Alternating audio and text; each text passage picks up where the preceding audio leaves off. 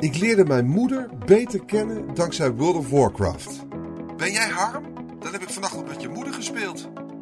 Geschreven door Harm Teunis voor Laatscherm.nl. Ingesproken door Arjan Lindeboom. Ik heb een haat-liefde verhouding met World of Warcraft. Er is geen ander spel dat ik net zo tof vind. Nieuwere games stellen bijna altijd teleur als ik ze langs de meetlat van ontwikkelaar Blizzard leg. Maar ik heb er nog een goede reden voor. World of Warcraft leerde me een kant van mijn moeder kennen die ik anders nooit zou hebben gezien. Mijn moeder is, slash was, namelijk een verdomd aardige balance druid, elemental shaman en beast mastery hunter. Ze speelde bloedfanatiek en ging altijd door waar anderen er naar de zoveelste wipe al geen hel meer in zagen. Ze was bovendien niet te beroerd om wildvreemde spelers te helpen. En zo gebeurde het dat ik tijdens mijn eerste baan in de journalistiek door een toen nog onbekende man werd aangesproken. Hij vroeg naar mijn moeder. Op een volle redactie kwam service desk held Barry achter me staan. Hij tikte me op mijn schouder, vroeg of ik Harm heette en riep daarna net iets te hard: Dan heb ik vannacht nog met je moeder gespeeld. Ik kan me nog herinneren dat ik een paar seconden mistig om me heen keek en daarna twijfelde of ik nou boos moest reageren, me moest schamen of trots moest zijn. Maar nu kan ik je vertellen dat het vooral trots is die overheerst. Laten we even teruggaan in de tijd, want als iemand mijn dertienjarige ik had verteld dat mijn moeder zo'n tien jaar later haar eigen pc zou kopen om een online RPG te kunnen spelen, had ik diegene om meerdere redenen voor gek verklaard. 1. Mijn moeder houdt niet van gamen. 2. Ze snapt geen snars van computers. En 3. Wat moet ze met haar eigen pc als we er al een hadden staan thuis? Daar komt bij dat ze zich tijdens mijn jeugd niet echt druk maakte om wat ik speelde. Al vroeg in mijn jeugd raakte ik verknocht aan PC-gamen. Ik kan me onze eerste 386 nog herinneren, met alle brakke games die daarbij hoorden. Later kwam de 486, de cursus programmeren die ik samen met mijn vader volgde, en halverwege de jaren 90 de computers met Pentium-processors. Ze zal het grijze bakbeest ongetwijfeld vaak vervloekt hebben, want ondanks dat ik veel sporten en met skateboarden bezig was, zat ik s'avonds en op regenachtige dagen toch vooral achter de computer. Fast forward naar het jaar 2001. Na een van de eerste aankondigingen van World of Warcraft wist ik eigenlijk al dat ik het spel zou gaan spelen. Ik downloadde een gekraakte gesloten beta-versie en las alles wat ik kon vinden over de game. Na de officiële release in 2004 vertelde ik mijn moeder over het spel en liet ik haar zo nu en dan wat zien. Ze leek geïnteresseerd, maar meer ook niet.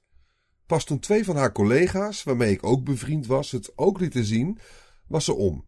Ik kan me nog herinneren dat ik mijn moeder alles moest uitleggen over de twee facties, welke rassen en klassen er waren en wat nou eigenlijk het doel was.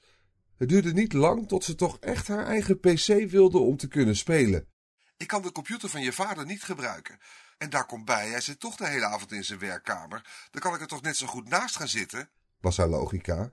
Niet veel later moest er ook een headset komen, zodat we via Ventrilo met elkaar konden praten. De game riep bij mijn moeder de behoefte op om haarzelf te bewijzen. Al snel negeerde ze mijn goed bedoelde instructies en waarschuwingen.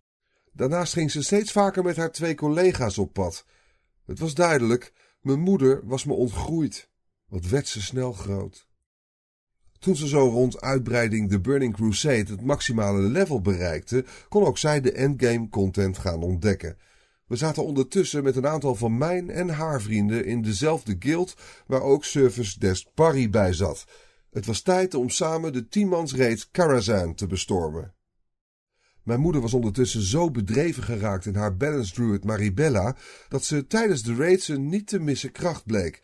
Hoe vaak heeft ze tank Mark niet overeind gehouden als het healer Bianca even te veel werd? Zelfs de raidsquits van bepaalde mensen kon ze goed praten, waarna we gewoon met een mannetje minder op pad gingen. We kwamen nog een aardig eind, niet in de laatste plaats door haar koppigheid. Ja, ze stond ook heus wel eens op de verkeerde plek, waardoor we de halve raid achter ons aankregen. Maar dat stond in schril contrast met hoe vaak ik de boosdoener was. Ik had als rogue altijd nog mijn panic button vanish, waarmee ik een rook opging en de rest achterliet met talloze boze vijanden. Mijn moeder probeerde de boel dan nog te redden. Te vergeefs natuurlijk. Ondertussen stond ik te lachen in een hoekje. En dan waren er nog de 2 tegen 2 arena gevechten die ze deed met Bianca. Ze was mij zelfs een aantal keren te snel af met het halen van PvP achievements. We zagen allemaal voor ons hoe een paar pubers vloekend achter hun computer zaten, verslagen door mijn moeder van 55 plus en haar vriendin. Inmiddels speelt ze geen World of Warcraft meer. Net als veel andere spelers is ze afgehaakt. Misschien door de vele herhaling, misschien omdat andere dingen belangrijker werden, zoals de geboorte van haar kleinkinderen. Maar door samen met haar te gamen, heb ik eigenschappen van mijn moeder gezien die me eerder niet waren opgevallen. Het is niet zo dat ik niet wist dat mijn moeder een doorzetter was, maar hoe vaak kom je in het dagelijkse leven in een situatie waar je deze kwaliteiten zo duidelijk terugziet? Je hoort vaak dat moeders zich kapot vechten voor hun kind. Het was heel bijzonder om dat van dichtbij mee te mogen maken, zei het in een fictieve situatie. Daar ben ik zowel mijn moeder als Blizzard dankbaar voor.